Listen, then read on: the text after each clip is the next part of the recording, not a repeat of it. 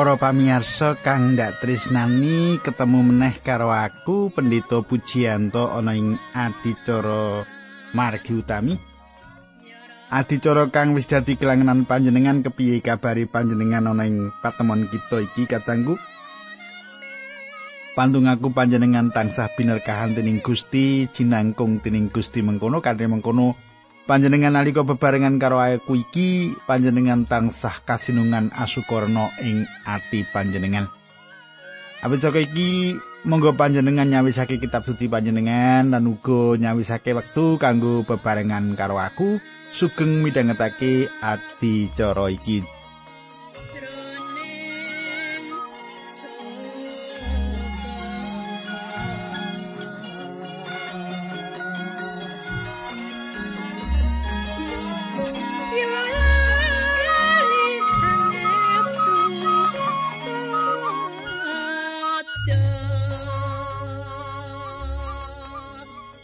Kadangku apa panjenengan kelingan kang ndak aturake nalika aku ketemu karo panjenengan kepungkur? Nalika kepungkur aku wis ngaturake, kita wis nyemak yen Gusti Allah ngersakake suku Lewi kang nindakake lelati tetep kareksa. Suku Lewi kang nindakake lelati tetep kareksa.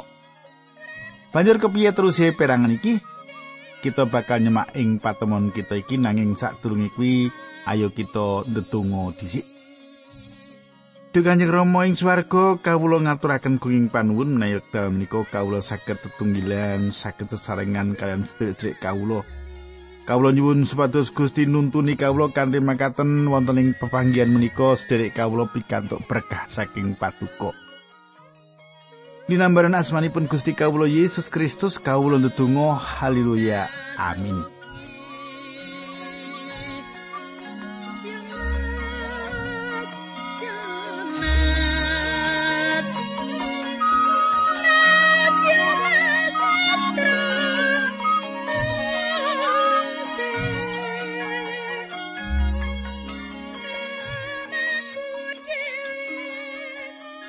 Kadangku pasinaon kita ing patemon kita wis ngancik kitab pangandaring Torat bab 15. Wis ngancik kitab pangandaring Torat bab 15 saiki tak wiwiti ayat siji.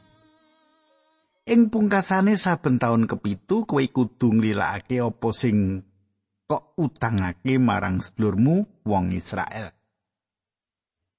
Saben pitung taun yaiku kasebut taun sabat.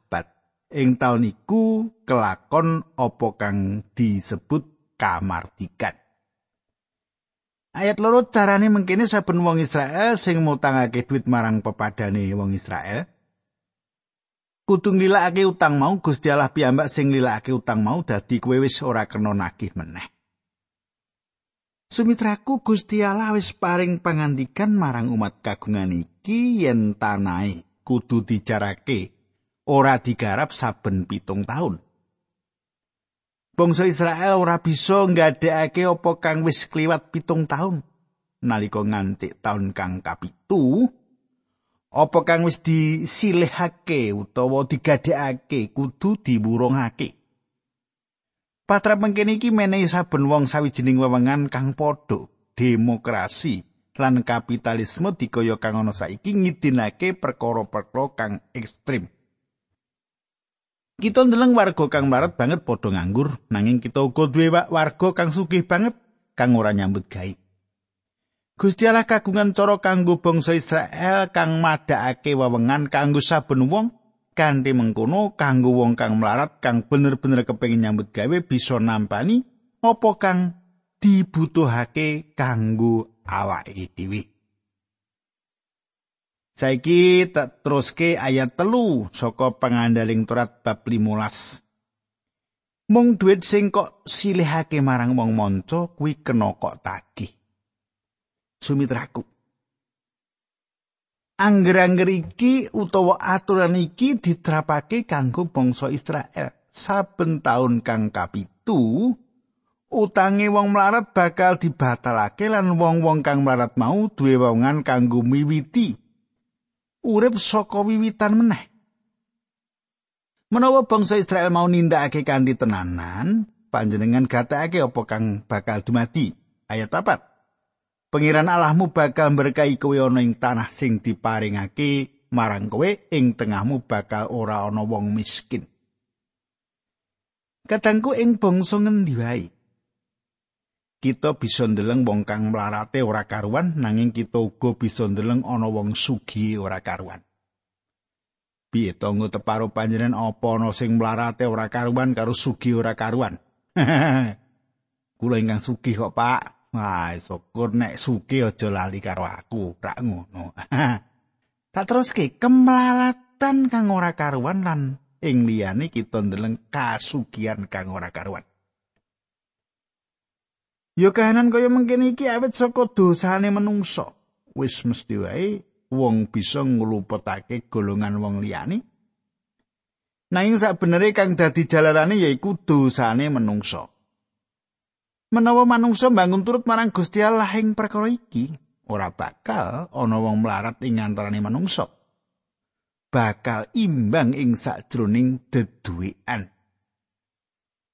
Sadurunge ati manungsa diwai, sosialisme dikaya kang dipraktekake dening negara-negara komunis dadi sawijining wangunan negara diktator kang banget diwedeni kang bisa dibayangake wong.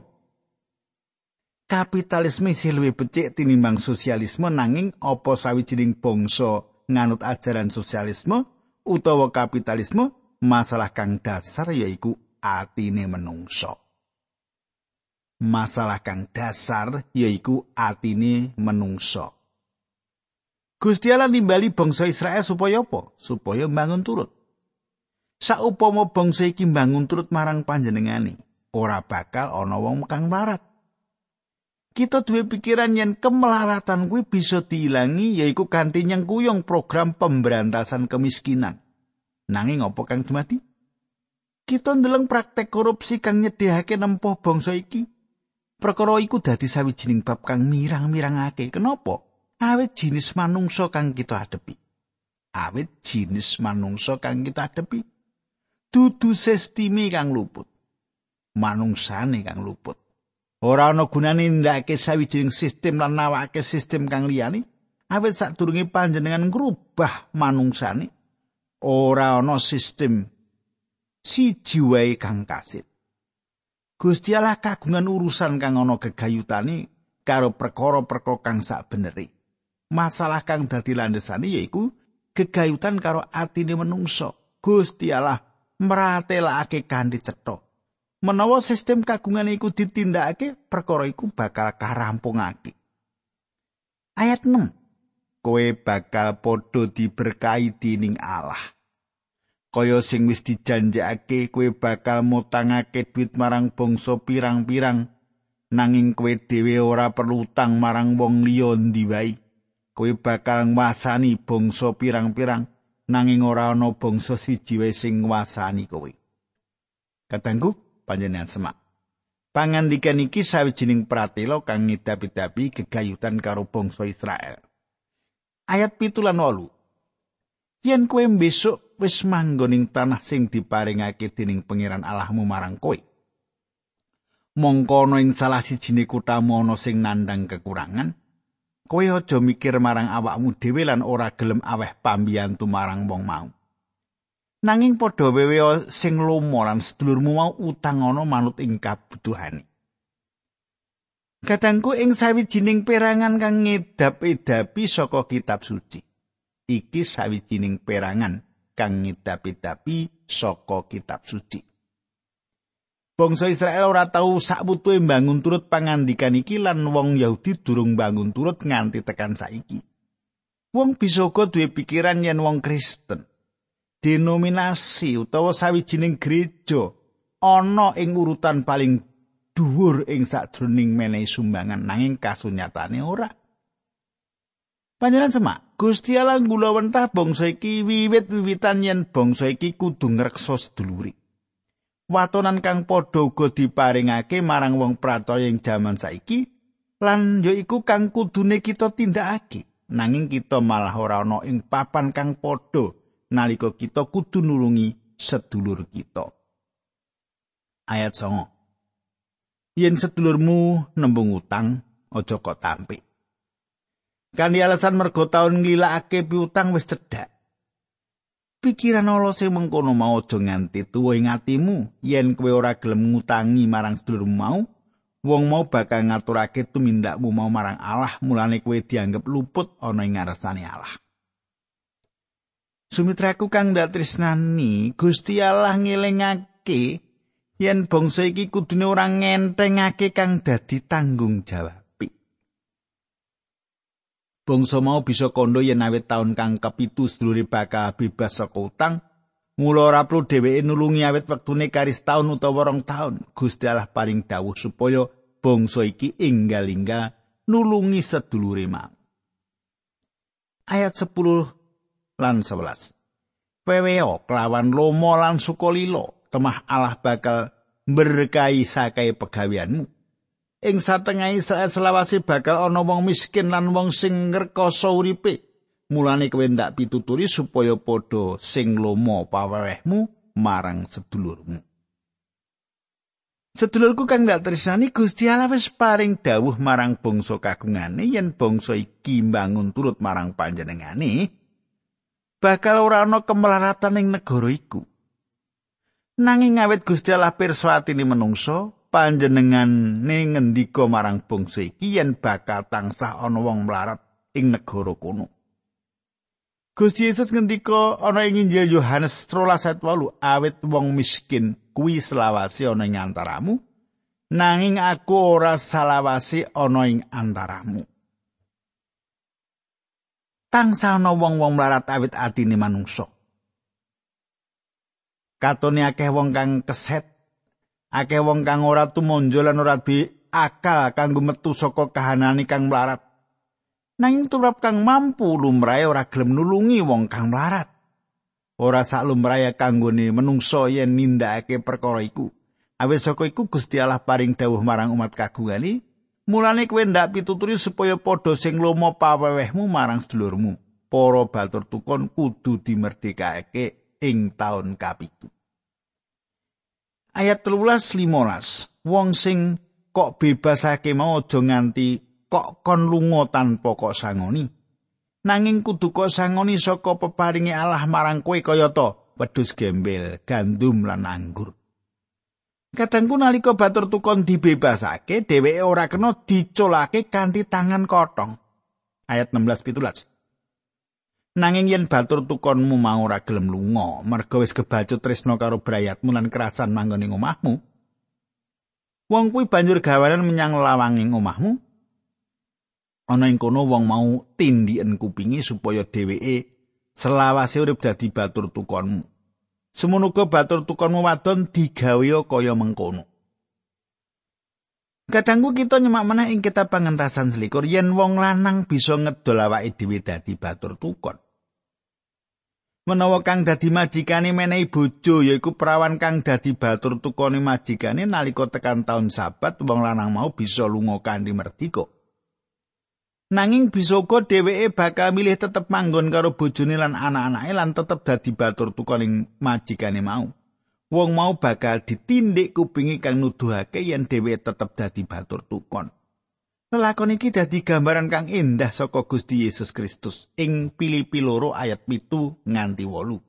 Tak waca iki ya.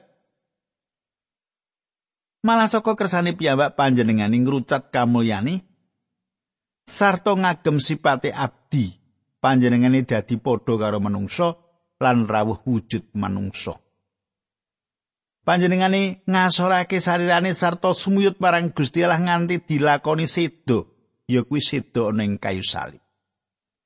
Katangku Gusti Yesus bisa wae tindak kanthi merdika panjenengane ora kagungan utang dosa.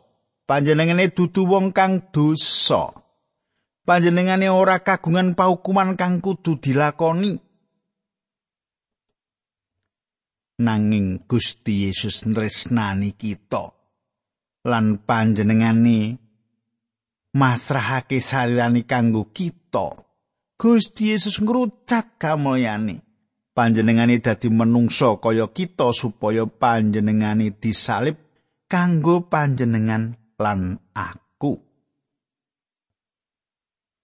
Iki sawijining salah siji gambaran kang ngidapi-dapi kang kita temokake gegayutan Gusti Yesus Kristus ana ing perjanjian lawas.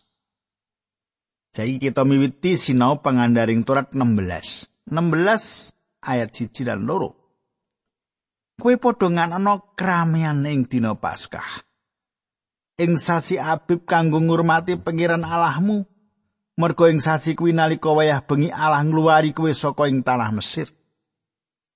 Padha nindakno ibadah lan nyembelio wedhus utawa sapi panganan ana ing riyaya Paskah kanggo ngurmati pangeran Allahmu.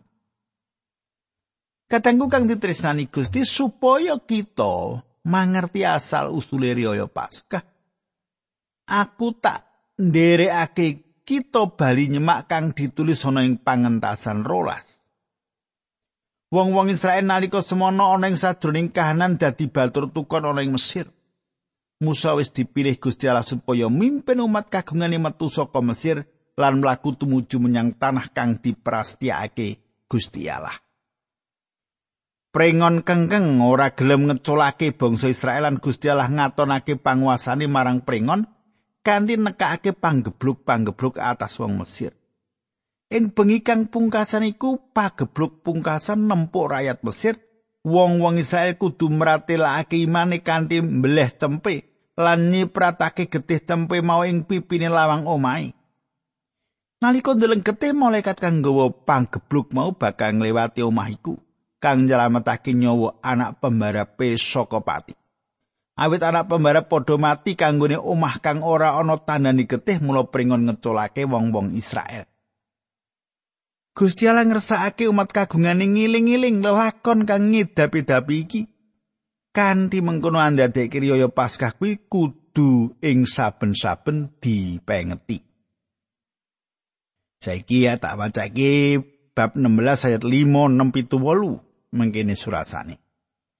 Kewan-kewan sing dipangan ing Paskah kabeh kudu disembelih ana ing papan pangibadah ora kena ing panggonan liyane ing negaramu sing diparingake dening Allah marang kowe nggonmu mangan kudu ing wayah surup kaya nalika kowe padha budal saka ing tanah Mesir. Daging kewan mau kudu kok godhog banjur kudu kok pangan ing papan pangibadah mau. Esuke kowe kudu bali menyang omahmu dewi-dewi. Sawise iku 6 dina suwene kowe kudu mangan roti tanpa ragi. Ing dina kapitune kowe kudu ngumpul manembah marang pangeran Allahmu ing dina iku kowe aja nyambut gawe. Katangku, ya mengkono kuwi raya Paskah raya iku kudu ditindakake ing sawijining papan yaiku ing Yerusalem. Kabeh wong lanang Israel kudu lunga menyang Yerusalem ing jaman iku. Saya kita terus ke ayat 9 10 11. Mengkene surasani. Wiwit dinane kowe ngeneni gandummu ngetungo pitung minggu. Banjur nganakno riyaya panen kanggo ngurmati pangeran Allahmu ing dina iku kowe nyaosno pisungsung panuwun manut berkah sing kok tampa. Kowe padha bunga-bunga ana ing ngarsane Allah ana ing papan pangibadah siji mau bebarengan karo anak-anakmu batur-baturmu lan wong lewi wong monco lan bocah lolos sarta wong rondo sing manggon ing kutamu Katangku panjenengan gatekake bangsa Israel kudu ngitung pitung minggu sawise dina Paskah. Kang ateges pitung puluh songo dina. Sebanjure isuke dina sabat, dina kaping seket. Awit tembung Yunani kanggo seket yaiku Pentakosta. Mula riyaya minggu-minggu iki bisa disebut dina Pentakosta. Pentakosta uga dikenal minangka dina riyaya panen raya utawa dina riyaya hasil panen kang kawitan. Dina iki ngriyayake hasil panen kang dhisik dhewe. Saiki tak teruske ayat 13, yen gandummu wis digiling kabeh lan wae anggurmu wis rampung diperes, kowe padha nganakno riyaya tarup godhong suwene pitung dina. Katangku, iki sawijining dina riyaya liya kanggo asukarana. Dina riya iki dirayakake suwene pitung dina lan uga kudu ditindakake ing papan kang dipilih dening Gusti yaiku ana ing Yerusalem. Ayat 16. Wong lanang ing Israel kabeh kudu sujud marang Allah ing papan pangibadah kono setahun ping telu. Ya kuwi ing dina riyaya Paskah, riyaya panen lan riyaya tarup godhong saben wong kudu nggawa sesausan. miturut kekuatane lan miturut anggone kaberkahan tining pangeran Allah. Kadangku iki telu dina riyaya kang diriyayakake ing Yerusalem kang kudu di tekani dening kabeh wong lanang. Kaping telu ana ing sajroning setahun kudu teka ana ing Yerusalem kanggo ngriyayakake dina riyaya mau. Iku sawijining wektu kanggo asukurna. Wong Israel kudu suwani ngarsane Gusti kanthi asukurna. Ayat 18 ing saben kutha sing diparingake dening pangeran Allahmu, kowe kudu ngangkat hakim-hakim lan pegawe-pegawe liyane supaya ngereh rakyat kelawan adil. Katangku gedung pengadilan ing jaman semono mapane ana ing pinggiran kutha, ing gapuraning tembok kutha. Iki sawijining papan kanggo warga negara mlebu utawa ninggalake kutha. Papan iku uga kanggo papan ngumpul awet Gusti Allah wanuh hati menungso Mula panjenengane ngilingake marang pengadilan kang kisruh kegayutan ngajeni wong-wong lan kegayutan nampani sogoan. Saiki ayat selikur rolikur, yen kowe yoso mesbeh kagem pangeran Allahmu, kejaba aja kok selei recane Dewi Asera, aja kok deki tugu watu kanggo nyembah brahala mergo Allah sengit karo penggawe mengkono mau. Kadangku cagak kayu digayatake karo pangibadah marang Brahala lan kanthi pangibadah kang kebak dosa ing jaman semono. Yaiku sebabe wong Israel ora dikeparengake gawe cagak Brahala. Ing jaman semono ing cagak ing Brahala iku mesbeh lan reca Brahala digawe dadi sesembahane wong kapit. Kadangku kang gak tresnani tak cukupi semene dhisik aturku marang panjenengan tak suwun panjenengan diberkahi karo apa sing ndak aturake iki? Aku bakal nerusake ing dina candhaki saka kitab pangandaring Torat iki. Nanging tak suwun panjenengan aja ngantek ora mirengake. Awit iku kabeh penting kanggo tuwuhing kasukman panjenengan. Kadangku aku matur nuwun karo panjenengan iki tak delok ana surate saka Ibu Sri Retno Rahayu. Pak Puji kanthi mirengaken TWR kanthi mirengaken adicara menika. Adicara margi utami menika iman kula tambah dados kiat Pak Puji. Inggih Bu Sri Retno Rahayu menika katirosipun dados guru nggih. Nyuwun dipun tungaaken supados dipun angkat dados guru tetap nggih pegawai negeri sipil. Sampun dangu anggenipun wiyata bakti kadosipun makaten nggih. Nah kateng kula kita tetunggu sesarangan Duh Kanjeng Rama ing swarga kawula ngaturaken gunging panuwun menawi wekdal menika kawula saged tetunggilan kalian sedherek kawula Kawula matur nuwun lan kawula ndongaaken Ibu Sri Retno Rahayu ingkang samenika kepingin dipunangkat dados pegawai negeri. Minangka jejere pendidik kawula nyuwun supados Gusti ngijabahi menapa ingkang dipun suwun. Mboten namung Ibu Retno tentunipun kathah sedherek kawula ingkang samenika nengbe nenggo-nenggo supados pikantuk pendamelan. Supados Gusti piyambak ingkang mitulungi. Dinambaran asmanipun Gusti Kawula Yesus Kristus kawula tetunggal haleluya. Amin